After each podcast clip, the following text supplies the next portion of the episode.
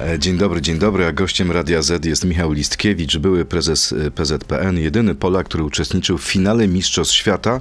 Sędziował mecz w 90 roku między Niemcami a Argentyną. Witam serdecznie. Dzień dobry. Nie Witam. wiem, jak do pana mam mówić, panie prezesie, wciąż? E, Ja najbardziej lubię panie Michale. Czyli woli pan panie Michale? Tak, z Wołodyjowskiego, tak. Panie Michale, no to dobrze. Panie Michale, e, ktoś napisał e, w internecie, że Polska jest pierwszą drużyną w historii, która na Mistrzostwach Świata nie strzeliła aż trzech karnych w czasie normalnego czasu gry. Lewandowski jest trzecim piłkarzem po Dejnie i Żurawskim. Może to jakaś klątwa? No tak, chciałoby się powiedzieć do trzech razy sztuka, ale niestety nie. No ten trzeci raz też się nie udał. Co się stało wczoraj? Co było w głowie lewego? Sam chciałbym wiedzieć. Oczywiście Lewandowski sam sobie ten karny wywalczył. E, Myślę, że na 10 zawodników to może dwóch by tak się zachował jak on, czyli jak taran, jak czołg przepchnął się przez trzech obrońców, wywalczył rzut karny. Chwała mu za to. Natomiast samo wykonanie no, było mm, bardzo złe. E, Lekki strzał, prosty do obrony. Na dodatek e, nie patrzył na bramkarza, co mu się nie zdarzało, bo Messi też wczoraj strzelał karnego, ale strzelił go właśnie najpierw zobaczył, co robi bramkarz, a potem strzelił tam, gdzie chciał. A dlaczego trzeba patrzeć na bramkarza strzelając karnego? No dlatego, żeby widzieć, w który róg bramkarz rusza. Bramkarz tu ma mniejsze szanse, e, jak mówi e, nasz legendarny golkiper Jan Tomaszewski. Nie ma dobrze obronionych karnych, są tylko źle strzelone i tak właśnie było wczoraj. Ten strzał był na idealnej wysokości dla niskiego meksykańskiego bramkarza. 183 centymetry tylko. E, Więc y, takiemu bramkarzowi powinno się strzelać górą, jeżeli już, na siłę. No i wysokość była idealna dla bramkarza, ale nie ma co tu się pastwić. No i nie było tej arytmii, którą ma zazwyczaj w I- podbieganiu. I nie było tego zatrzymania. Coś, m, co niektórzy mówią, że być może są instrukcje dla sędziów, żeby bardzo zwracać uwagę na, na ten sposób wykonania karnego, bo jest taki przepis, że jeżeli zawodnik za, zmierza do ośmieszenia bramkarza, zatrzymuje się, robi jakiś ruch nogą i, i w ten sposób wprowadza błąd bramkarza, to jest to nieprawidłowe. No ale te rzuty karne Roberta wszystkie były prawidłowe. On zachowywał tam jednak rytm biegu, on nie stawał zupełnie. Ale zostawmy to tak. takie Pytanie, rozumienie. czy to będzie tkwiło w głowie Roberta Lewandowskiego? On już e, przeprosił e, za tego karnego, no ale mówi, że będziemy da, dalej walczyć. Czy my z taką grą mamy szansę z Arabią Saudyjską? E, sensacją tego turnieju.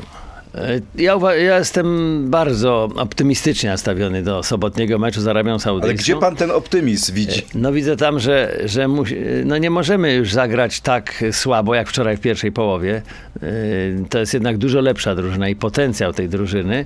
No Przede wszystkim musi się zmienić taktyka. No, na Meksyk rozumiem. Pierwszy mecz nie, nie przegrać, zero z tyłu, słynne polskie autobus. Okej, wynik w jakimś tam stopniu trenera rozgrzesza. Natomiast z Arabią Saudyjską musi ruszyć polska husaria, muszą skrzydła funkcjonować, musi być y, dublowanie pozycji. Wczoraj wielu naszych zawodników nie miało do kogo zagrać, po prostu była pustka. Czyli Kesz i Bereszyński nie mieli wsparcia w skrzydłowych, czy nie pracowały te duety? Te Skrzydłowy i boczny Nie pracowały kompletnie. No nie było podwojenia pozycji. Y, Nie było tego, co Argentyna chociażby wczoraj w pierwszej połowie robiła, że ta nawałnica raz za razem sunęła i umówmy się, ten, to zwycięstwo Arabii Saudyjskiej jest sensacją, ale jest niesamowicie szczęśliwe. Oddali bodajże dwa strzały na bramkę, strzeli dwie bramki. Argentyńczycy odd- oddali kilkanaście, trzy nieuznane bramki. Ale przyzna pan, że jednak Saudyjczycy to nie są kelnerzy. Oni są bardzo wysocy, bardzo dobrze fizycznie zbudowani i są świetni technicznie. No i mają świetnego trenera. E, Francuza z polskimi korzeniami. z dziadkowie Polacy, tak. Jean Kamiński chyba dziadek się nazywa. Dziadek z Poznania, tak. Tak jest. Emigracja z początku II wojny światowej. E, No, no, trener ogromnie charyzmatyczny, ale mądry. E, Widać, że on czyta grę, on zmienia system gry zależnie od sytuacji na boisku. To dlaczego Czesław Michniewicz postawił na tak defensywny styl gry? Skoro na przykład było wielu ofensywnych zawodników, bo ten skład był trochę zaskakujący. No więc właśnie ja w, przed pierwszym gwizdkiem ja byłem bardzo zadowolony ze składu, ponieważ to był skład ofensywny. No ale to tak jakby wypuścić na ring boksera z piorunującym ciosem i powiedzieć mu tylko się broń, nie zadawaj ciosów, wygrasz defensywą. Czyli oni trochę grali jak na zaciągniętym hamulcu. Coś takiego można było odnieść takie wrażenie i, i widać było, że Robertowi taka gra absolutnie nie leżała, również i Piotrowi Zielińskiemu. Yy, No co się stało z Piotrem Zielińskim? Niektórzy mówią, że to jest talent na miarę Kazimierza Dejny. Dlaczego wczoraj nie zagrał? No nie był sobą. Yy, Myślę, że ta pozycja, na której grał, yy, niekoniecznie mu pasowała. On jednak lepiej się czuje, kiedy może takie jakieś kółeczko pokręcić, rozejrzeć się. Czyli troszeczkę bliżej swojego prawej, bramkarza, tak? Troszkę bliżej, gdzieś tam w tym kole środkowym to powinna być jego baza do, do, do gry do przodu. Yy, No i ta taktyka polegająca na ciągłym yy, wykopywaniu długich piłek, nawet i yy, Wojtek Szczęsny, który wczoraj był jednym z lepszych naszych zawodników, no ale też widocznie miał powiedziane wywalaj długą lagę do przodu, a zupełnie nie było układania akcji od tyłu, mimo że yy, rywal yy, nie stosował jakiegoś dramatycznie wysokiego pressingu i miejsca do gry było sporo. Gdyby miał pan kogoś wyróżnić, to kogo by pan wyróżnił z polskich piłkarzy? Y, No na pewno Wojtek Szczęsny, na pewno Bartosz Bereszyński, y, y, Kiwior. y, Mamy kogoś na ławce rezerwowej, i, który i Bielik. mógłby wejść... Ta zmiana, ta zmiana Bielika naprawdę była bardzo Czyli bardzo co, Bielik od pomocna. początku w meczu w sobotę? Tak sądzę, Bielik od początku i, i myślę, że trzeba od początku zagrać y, no, y, Dwóch napastników. dwóch napastników i Milik, Piątek, no ktoś z tej dwójki. A może Świderski, bo on też bardzo dobrze rozumie się z Lewandowskim. Może, może Świderski, no i na pewno muszą y, ruszać te polskie wahadła. Y, Musi być, y, musi zawodnik rozgrywający mieć dwa, trzy warianty zagrania.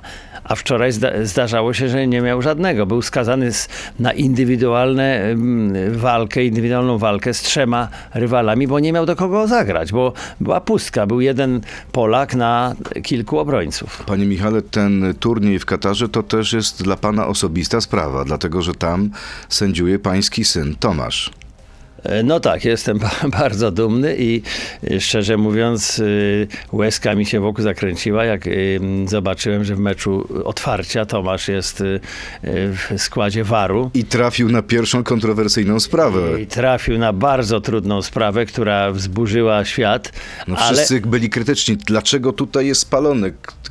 Kto się czego dopatrzył? Nie ukrywam, że ja sam trochę mi włos siwy stanął na głowie, e, ale potem szybko, jak zobaczyłem trzecie, czwarte, piąte ujęcie, to, to widziałem, że miał rację y, zespół Warowski. Był spalony, ale realizatorzy telewizyjni źle, źle się z tym sobie poradzili. Po pierwsze pokazali nie to, co trzeba, po drugie bardzo późno. No, przy systemie VAR musi być natychmiastowa komunikacja do, do kibiców, do telewidzów, y, do odbiorców tego meczu. O co chodzi? I przy dzisiejszej technice to, to nie powinno być problemem. Dziwne jest to sędziowanie, takie mam wrażenie, bo po pierwsze bardzo często używany jest VAR, po drugie te niektóre faule są odgwizdywane trochę z kapelusza, nie mówiąc już o tym, że no nieprawdopodobnie przedłuża się mecze. No, takie sędziowie mają wytyczne i tu to nie można winić sędziów. Ich władze tak, tak zdecydowały. No, przykładem chociażby te rzuty karne, y, których jeszcze kilka miesięcy temu by nie dyktowano za y, szarpanie się w tłoku, y, trzymanie za koszulkę. To w lidze angielskiej to jest norma. Również w lidze mistrzów takich sytuacji było masę. Natomiast w tej chwili ja się z tym akurat zgadzam, bo to nie są zapasy, to nie jest jakiś tam wrestling, tylko to jest piłka nożna i szarpanie celowe za koszulkę jest faulem. I wczoraj po takim faulu Robert Lewandowski miał szansę strzelić bramkę z karnego. Po takim faulu strzelił Messi z karnego. Jeszcze chyba już, już ze cztery karne były takie podyktowane za, za zagrania, które jeszcze do niedawna były traktowane jako walka o piłkę. W życiu w lidze angielskiej za takie zagranie nie byłoby karnego. Panie e, Michale, nie panie Tak, prezesie, tak. przejdźmy do e, finałowej części naszej e, części radiowej rozmowy. Krótka piłka, czyli pan ma szansę odpowiedzieć e, tylko tak albo nie. Pomidora nie ma. Wszystko zależy od gościa. Byłem lepszym prezesem PZPN-u niż Boniek i Kulesza, tak czy nie? Nie, Nie. nie, nie. Skromny pan jest. Polska pod wodzą Michniewicza gra archaiczny futbol, wykop Szczęsnego i laga do Roberta. E, Wczoraj tak. Niestrzelony karny to początek końca kariery lewego, tak czy nie? Absolutnie nie. Najlepsza polska drużyna wszechczasów to ta z 82 roku z Bońkiem, Smolarkiem i Buncolem, tak czy nie? Nie. FIFA to najbardziej skorumpowana organizacja sportowa świata, tak czy nie? E, Mam nadzieję, że nie. Mam nadzieję, że zostaną Państwo z nami w części internetowej. Zapraszam na Radio ZPL, Facebooka, YouTube'a. Tam porozmawiamy właśnie o tym, jakimi prawami rządzi się FIFA. To jest gość Radia Z. Pan ma nadzieję, że nie, ale jak się patrzy na ten mundial w Katarze, no to jednak wszystkie znaki wskazują na niebie, No, że, Że- przyznany był. że tak. za pieniądze ta korupcja zdecydowała o mundialu. Nie, no wszyscy wiemy jak było, że było tak, że No jak było właśnie? było tak. Blater, który wiadomo jaki jest. ale Znaliście się z Blatterem. Ja się znam świetnie. To jest człowiek próżny, zakochany w sobie, ego, ale to nie jest złodziejaszek. On, on, on, on, on kocha być uwielbiany, noszony na rękach i tak dalej. I otoczyła go banda takich tych e, panów tam, którzy potem poszli siedzieć z Ameryki Południowej, z USA i tak dalej. Ale o co chodziło? Chodziło o to, że Blatter był dogadany, bo on się Blatter się uważał zawsze za polityka i to rangi. Jeszcze go Obama w tym utwierdził, go przyjął jako pierwszego gościa zagranicy na salonach. I było dogadane, że Rosja i Stany Zjednoczone po sobie robią. I to już był taki deal. I potem Sarkozy wziął Platiniego, wiceprezydenta FIFA i prezydenta UEFA, na spotkanie z szejkiem Kataru. Chodziło o kontrakty, mieli tam broń, no, du, duże sprawy, tak, większe od... Czyli rozumiem, że Francuzi dostają Francuzi- kontrakty na swoją broń, a Platini ma się odwdzięczyć Platini, no mundialem Platini, dla Kataru. To ja wiem na pewno. Platini dostał y, y, taki przekaz od prezydenta swojego kraju. Jesteś umówiony dziś na obiad z szejkiem i bardzo dla, dla państwa francuskiego ważne, żeby szejk po tym obiedzie był zadowolony. Tyle. Takie słowa. No i co? Co miał zrobić Platini? Y, postawiony pod ścianą mm, przekabacił kilku panów z Komitetu Wykonawczego FIFA, którzy zagłosowali inaczej niż się umówili z Blatterem, Stany przegrały. Wygrał Katar, Amerykanie wpadli w szał. Wcześniej oczywiście tam y, FBI czy CIA tam po to jest, żeby, żeby mieć wiedzę. No i słynna akcja w hotelu, aresztowanie dwóch wiceprezydentów FIFA, tam paru ludzi. Blattera nie, no bo Blatter tu nie był w to zamieszany, bo w zasadzie on został też ograny, oszukany. No i tak to poszło. Czyli co, FIFA to jednak bagno? Yy, czy bagno? No, myślę, że w tej chwili yy, znaczy je, zrobiono jeden, jeden świetny ruch FIFA po tej całej aferze, że nie głosuje już kilkunastu panów nad tym, gdzie będą Mistrzostwa Świata, tylko głosuje cały świat. No więc to nie jest tak prosto dotrzeć do 200 tam dwudziestu kilku federacji yy, i przekonać ich, żeby głosowali tak, a nie inaczej. W gronie zamkniętym kilkunastu dobrze się znających osób to jest dużo łatwiejsze. A jak panu się podoba ten mundial z perspektywy telewidza, eksperta, osoby, która patrzy na te mistrzostwa, no jednak y, ogląda je w telewizji? Y, są sytuacje takie, że te stadiony tak naprawdę zostaną lada moment zlikwidowane. Nie ma alkoholu na stadionach, nie ma piwa, są ograniczenia, no, są różne kontrowersje związane z kulturą, z tradycją tego kraju. No, akurat y, oglądając w kapciach przed telewizorem, czy tam u, w- u nas w studio telewizyjnym, mnie to nie przeszkadza, że nie ma piwa, bo mogę Bo może pan sobie kupić sobie na kupić stacji. albo wyjąć z barku, albo kupić tak. Natomiast same mecze piłkarskie, to co się dzieje na murawie jest całkiem obiecujące. Yy, Poza meczami słabymi, jak niestety Polska-Meksyk, To chyba najsłabszy mecz, no tak myślę. No może ten mecz z udziałem Kataru, który był po prostu, no, potem się parodią. ale Ekwador fajnie klepał piłeczkę. Tak, to prawda. Na, tylko, że Katar, czy, czy nawet później ym, Iran, tak, no, no pokazały, że to nie, nie ten poziom. No ale coś tam próbowano, no, przynajmniej jakieś efektowne bramki padały z drugiej strony. Tu nie było żadnych bramek. Y, Ale generalnie poziom, no na razie ile? No trzy dni dopiero minęły mundialu. Jak na tą wstępną fazę, to na boisku nie jest źle. Czyli klimat i temperatura nie przeszkadzają. Nie, Na razie. Nie, nie, nie, zupełnie nie. Y, No jest ta sprawa tego doliczania czasu. No właśnie, E, bo- po co to jest? Po to, żebyśmy dłużej siedzieli przy telewizorach? No to jest po to, żeby zniechęcić do gry na czas, żeby zniechęcić do tego takiego czasami ostentacyjnego kradzenia czasu, leżenia na murawie, tam przeciągania i tak dalej. Czyli tak zwany efektywny czas gry. Efektywny. Natomiast no, idzie to trochę, wahadło się w drugą stronę wychyliło, bo w meczu, w którym nie ma powodu do przedłużania dłużej, y, więcej niż dwie minuty, jest minimum siedem. Także sędziowie po, ze skrajności w skrajność i, i na przykład taka Arabia Saudyjska wczoraj, y, no oni grali dobrze ponad 100 minut, tam ze 115 minut chyba ten mecz To się wszystko odłoży w organizmach To się, piłkarzy. to się może odłożyć w organizmach piłkarzy, oczywiście, że tak. Y, No poza tym, no nie jestem, nie jestem tu specjalistą, ale wydaje mi się, że dla telewizji, stacji telewizyjnych, radiowych też jest to, To problem. jest zabójcze, tak? Bo jest ramówka. Tak, jest ramówka i już czekają kolejne programy, czy także ktoś tam już re- reklamodawcy będą zadowoleni, bo dłuższa ekspozycja. No ale to tych kilku, którzy są na bandach wokół boiska, a, a nie wszyscy yy, odbiorcy. Czyli I- na pewno jest to eksperyment, zobaczymy, czy on będzie udany, czy nie. Jest być to... może, wie pan, być może pójdzie to kiedyś y, w kierunku futsalu, czyli piłki tej halowej, że jest efektywne. Każde wyjście piłki y, na boisko, przerwa w grze jest czas Czyli zatrzymywany. tak jak jest w piłce ręcznej w koszykówce. koszykówce, tak. Dokładnie. Dobrze, wróćmy do szans polskiej reprezentacji, bo mówiliśmy zgodnie, że to był jeden z najsłabszych e, meczów turnieju do tej pory. Czy to były dwie najsłabsze drużyny, Polska i Meksyk w tej grupie? Nie, no tego nie można powiedzieć. Y, Przecież pamiętamy mecze Polski mm, z dawniejszych lat, y, z mistrzostw, które zakończyły się sukcesem.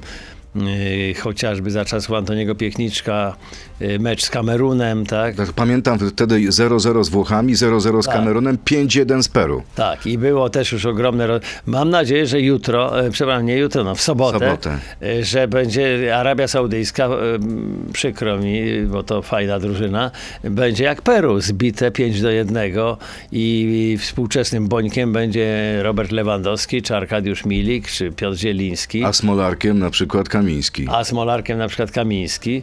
E, No bo też ten, te mecze wtedy z Kamerunem szczególnie, no to był słaby mecz z obu stron. E, Albo słynny mecz e, z Rosjanami, kiedy to pod koniec Włodek Smolarek e, jedną ręką się trzymał chorągiewki, a drugą osłaniał piłkę i wymuszał faule na sobie. Ale to było niesamowite, bo właśnie to I było dojechaliśmy dojechanie na, do końca, tak? I 0-0. metodą, powie, umówmy się, mało atrakcyjną. No dobrze, e, czyli ja wolałbym, żeby było tak, e, 0-0 Polska-Meksyk, 0-0 Polska-Arabia i 5-1 Polska-Argentyna. Czy to jest możliwe? Mało, prawdopodobne. Bardziej możliwe jest 0-0 Polska-Meksyk, 5-1 Polska-Arabia i na przykład 1-1 Polska-Argentyna. Trzymamy pana za słowo. Teraz seria pytań od naszych słuchaczy. E, Bronisław Duda. Czy to prawda, że to pierwszy Zbigniew Boniek zaproponował Jerzego Engela na selekcjonera reprezentacji Polski? Czy może pan rozwinąć ten wątek? W jakich okolicznościach dokonał się ten wybór? Pamięta pan? E, Tak, to prawda, że ówczesny wiceprezes Zbyszek Boniek, y, y, no może nie zaproponował, ale zapytał, a słuchajcie, a co, bo, no, bo potrzebowaliśmy szybko znaleźć trenera. Y, Taki był fajny trener Jurek Engel, co z nim? Ja mówię, no jest na Cyprze, tam prowadzi drużyny cypryjskiej i miło spędza czas. Dzwonimy do niego. I, i rzeczywiście pierwsze, pierwsza propozycja była od Zbigniewa Bońka, potem szybka akcja, Jurek przyleciał i, I trafiony wybór, i bo były Mistrzostwa Świata. Wybór był trawiony, to był jednak duża odmiana na plus w postrzeganiu reprezentacji, w kontaktach ym, trenera z zawodnikami, z mediami. Nowe otwarcie. No i tak, i to była koniec, koniec klątwy Bońka, który powiedział w 86 roku, że ciekaw jestem, czy kolejne drużyny Tak. osiągną takie sukcesy jak my. Kolejne pytanie, Łukasz Pol. Jak pan skomentuje niedawne doniesienia o ustawianiu meczów w niższych polskich ligach? Czy rak korupcji znowu zaczyna zżerać polską piłkę? Czy może pan znowu powtórzy swoje słowa o jednej czarnej owcy. E, No nie, słów o jednej czarnej owcy nigdy już nie powtórzę, bo to była skrajna naiwność i nauczyła mnie wiele. To była ogromna nauczka życiowa. E, Nie tylko jeśli chodzi o sport w ogóle, e, żeby tak nie ufać nikomu tak na 100%. E, Natomiast y, mm, co do korupcji, no ja przewidywałem, że to się może. A to dotyczy nie tylko Polski, nawet w krajach tak czystych, wydawałoby się jak Szwecja, jak Holandia, te próby ustawiania meczów w niższych ligach się pojawiają. To z czego to się bierze? Z nielegalnej bukmacherki. Kto jest bardzo stratny? Kibice, opinia publiczna, uczciwie grające drużyny i legalni bukmacherzy, którzy y, legalnie działają, płacą podatki, natomiast ta mafia bukmacherska, rodem z Azji głównie, świetnie zorganizowana, no wykorzystuje tę lukę i yy, sięga do niższych lig, bo wyższe są już jakby prześwietlone. Także to jest, y, to jest przykre i nie, nie można tu się dać uśpić. A wracając do tych połączeń trenera Czesława Michniewicza z fryzjerem, czy sądzi pan, że to, jak będzie postrzegany trener Michniewicz, zależy od tego, jaki będzie wynik y, na tym mundialu w Katarze? Czyli jeśli wyjdziemy z grupy albo dojdziemy do ćwierćfinału, to ludzie zapomną o tamtych sprawach? No trudne pytanie. Ja mnie akurat, y, ja mogę śmiało na nie odpowiadać, ponieważ ja nie miałem ani jednego połączenia z fryzjerem, ale y, No, Rozumiem, Ja- że jak chodzi pan do fryzjera, to pan się wchodzi z ulicy. y, nie, I chodzę do, chodzę do pani Halinki Okej. w Gdyni od lat. Okej. Natomiast y, no, y, myślę, że tutaj y, trener Czesław Michniewicz powinien od razu temat przeciąć, y, wyznać szczerze, tak? Na, na samym początku. Tak, rozmawiałem tyle razy, ale niczego niezgodnego z prawem nie uczyniłem. No trochę tak jak ja, że dałem, przyznałem, że zawierzyłem nie, niektórym ludziom, którym nie powinienem, zaufałem, że fryzjer z nim manipulował, że chciał z niego wyciągać jakieś informacje i przeciąć to na początku. Natomiast czy to wpłynie y, na dalsze losy trenera? No ja mam nadzieję, że y, trener Michniewicz wróci jednak z tarczą, a nie na tarczy, że przynajmniej wyjdziemy z grupy, a może jeszcze coś dołożymy do tego i wtedy najbliższa przyszłość trenera będzie całkiem fajna, bo wylosowaliśmy łatwą grupę eliminacji Mistrzostw Europy, więc przez najbliższe dwa lata yy, sportowo nie bardzo chyba będzie się czego czepiać, bo my tę grupę spokojnie łykniemy i zagramy w finałach Mistrzostw Europy. Kolejne pytanie, Jacek Wielgosz. Co by się stało, jeśli zniknęłaby kroplówka dla polskich klubów w postaci dotacji samorządów? Były stadiony na euro, mia- miasta wydają miliony złotych na kluby. Tyle kasy idzie na piłkę nożną i polskie kluby dostają manto od mistrza Luksemburgu Dudolencz, jak e, Legia Warszawa. Po co płacić na to wszystko? No to jest, y, to jest duży problem, ponieważ y, mm, no, w niektórych miastach samorządy wydają, praktycznie są głównym i jedynym sponsorem zawodowej drużyny Czyli piłkarskiej. sporty by umarły, tak? Sport, sporty Kluby. by umarły. Ja jestem zwolennikiem tego, żeby samorządy wydawały duże pieniądze na piłkę nożną, na sport w ogóle, ale na sport młodzieżowy, dziecięcy, amatorski, infrastrukturę. Oczywiście, że te st- stadiony ktoś musi utrzymywać i powinny to robić miasta. Yy, No takim przykładem zdrowego klubu jest y, klub Termalika Brookbet Nieciecza, który grał przecież nawet w Ekstraklasie, w tej chwili w pierwszej lidze. Całkowicie prywatny. Za prywatne pieniądze właścicieli zbudowany stadion i utrzymywana drużyna. Y, Tak być powinno i tak jest w Anglii, tak jest y, w wielu krajach. Natomiast co do pieniędzy, no w Polsce są duże pieniądze w piłce i zarobki piłkarzy ligowych są naprawdę przyzwoite. Ja wiem, że w Szwecji, gdzie poziom ligi jest y, porównywalny, to są nie dwa razy, ale pięć, osiem razy mniejsze zarobki i jednak grają. Y, Kolejne ciekawe pytanie, Charlie Brown. Jako kolarz amator mam pytanie do pana. Czy piłkarze stosują doping? Czy są kontrolowani pod tym kątem tak jak kolarze profesjonalni? Jak to wygląda dzisiaj we współczesnej piłce? No, w grach zespołowych y, doping y, nie jest aż tak, y, tak dużym problemem jak w dy- dyscyplinach indywidualnych, właśnie jak kolarstwo, jak podnoszenie ciężarów, jak lekkoatletyka, mm, gdzie to są indywidualne dyscypliny. Ale kontrole dopingowe są dosyć, dosyć wnikliwe, ale na meczach na przykład Ligi Mistrzów, na meczach na Mistrzostwach Świata po każdym meczu losowani są, losowanych jest trzech zawodników z każdej drużyny.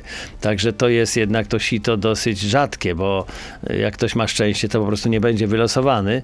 Ale myślę, że taki, taki mm, intensywny doping stosowany w piłce nożnej bardziej by przeszkodził niż y, pomógł. Jestem specjalistą, to by trzeba y, pana ministra Witolda Bańkę, szefa Światowej Agencji zapytać, ale wydaje mi się, że y, tak zwany nakoksowany zawodnik w piłce nożnej mógłby więcej szkody niż pożytku przynieść, bo tu trzeba jednak podejmować decyzje różne.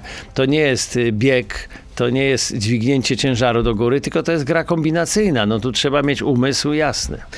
Y, Panie Michale, y, ostatnia pańska pasja to coś, co jest y, połączeniem piłki nożnej z tenisem stołowym, czyli tech-ball. Co to jest? Rozumiem, że my tutaj przy tym stole w radiu moglibyśmy rozegrać taki mecz. Na czym polega tech-ball? Tekball to jest piłka nożna na stole, z tym, że to nie jest taki stół jak do ping-ponga, nie jest taki jak tu piękny stół w Radiu Z. On jest trochę pochyły, tak? On jest, on jest taki zakrzywiony i tajemnicą jego jest materiał, z którego jest wykonany. To jest, to jest bardzo skomplikowana yy, konstrukcja wymyślona w Stanach Zjednoczonych i potem na Węgrzech udoskonalana. No piękna dyscyplina, ponieważ yy, bardzo dynamiczna. Ronaldinho słynny jest jej ambasadorem. Za dwa dni, za trzy dni zaczynają się Mistrzostwa Świata, piąte już tym razem w Niemczech, w Norymberdze. No i to jest dyscyplina, która łączy widowiskowość, więc można w nią grać tak jak w tenisa stołowego, czy jak w tenisa ziemnego. Piłka jest taka sama jak na Piłka jest taka jak w meczu? piłce nożnej, tak, y, tylko i no, ma kolory tekbalowe, biało-pomarańczowe. Y, Natomiast oprócz tego waloru widowiskowości jest też walor szkoleniowy. Wszystkie kluby angielskie, ale coraz więcej polskich y, ma, mają taki stół w swoich y, ośrodkach treningowych, bo na tym można się nauczyć świetnie techniki. Nawet ktoś, kto, kto jest tak zwanym drewniakiem i ta piłka mu odskakuje, to jak pogra w tekbal miesiąc, dwa, to ta piłeczka mu się będzie kleić. Także to jest bardzo fajne narzędzie. Zapraszam wszystkich, żeby grali w tekbal. To jest już w Polsce dosyć dostępne. A można na tym zarobić? E, Ci tak, jak- grający Jak oczywiście. ktoś jest bardzo dobry, jak na przykład Adrian Duszak, mi- wicemistrz świata i mistrz Polski, chłopak z Ostrołęki, który w ciągu ostatnich lat skupił się tylko na tekbalu i zarabia już całkiem przyzwoite pieniądze. Tam turnieje międzynarodowe, nagrody są rzędu y, 100 tysięcy dolarów, więc y, mi, zwycięzca dostaje, nie wiem, 8-10 tysięcy. To jest już chyba y, suma nie do pogardzenia. Czego by pan bardziej pragnął? Tego, żeby polska drużyna piłkarska znalazła się w finale w Katarze, czy tego, żeby pański syn Tomasz Listkiewicz poprowadził finał? E, Oczywiście Polacy w finale, polska reprezentacja w finale. E, No tak prześmiewczo powiem, że e, Polak w finale sędzia to już był i tu siedzi przed panem. Natomiast reprezentacji polskiej nigdy nie było, chociaż była bliska i za Kazimierza Górskiego i za Antoniego Piechniczka, także marzy mi się reprezentacja Polski w finale. U siatkarzy to jest norma polskich siatkarzy, a u piłkarzy nigdy tak nie było. Ale jeśli by się tak stało, że Polacy zakończą mm, udział, no powiedzmy na jednej ósmej, co byłoby bardzo fajne, a na ćwierćfinale to już byłaby rewelacja, to niech nasi chłopcy z Szymonem Marciniakiem na czele posędziują finał, bo stać ich na to, są świetnymi sędziami. E, Wraca pan często do tych niesamowitych chwil z 90 roku, kiedy pan sędziował ten finał między Niemcami a Argentyną we Włoszech? Y, Tak, i nie ukrywam, że nawet y, poczułem taki, po śmierci Diego Maradony, poczułem taki żal, jakby zmarł ktoś mi bliski. Chociaż spotkaliśmy się tylko kilka razy w życiu, ale jakąś taką czułem więź z tym. Może dlatego, że, że odegrał rolę w moim życiu, y, grając w tym słynnym finale i później jako trener reprezentacji Argentyny, gdzie kilkakrotnie mieliśmy styczność. A to prawda, ba- że to wtedy walił do, do, do pana Po tym pokoju? finale tak, kopał w drzwi. Nie tylko on, cała drużyna. Dobrze, że drzwi były mocne i Bo byli w szoku, tak? Byli, zdenerwowani byli sędziowaniem, źli, tak? że przegrali z rzutu karnego finał Mistrzostw Świata. Natomiast mogę się pochwalić, że jestem posiadaczem na pewno jedynym w Polsce, co potwierdza Stefan Szczepłek, słynny kolekcjoner koszulek piłkarskich.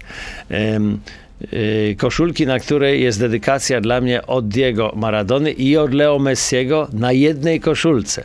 To, to jest biały kruk i yy, mimo propozycji odkupienia tej koszulki, to chociażby miał Za żadne pieniądze. głodem przymierać, to nie. No to ciekaw jestem, czy może dostanie pan wkrótce koszulkę po meczu Polska-Argentyna od Lewego i Messiego. No, byłoby fajnie, szczególnie w sytuacji, jak po tym meczu obie drużyny awansowałyby do kolejnej fazy. To byłoby super, oby tak było. Bardzo dziękuję za rozmowę. Michał Listkiewicz, były prezes Polskiego Związku Piłki Nożnej, jedyny Polak jak do tej pory, który uczestniczył w finale Mistrzostw Świata. Bardzo panu dziękuję. Bardzo dziękuję. Wszystkiego dobrego, miłego dnia. Miłego dnia. To był gość Radia Z. Słuchaj codziennie w Radio Z i na player radioz.pl.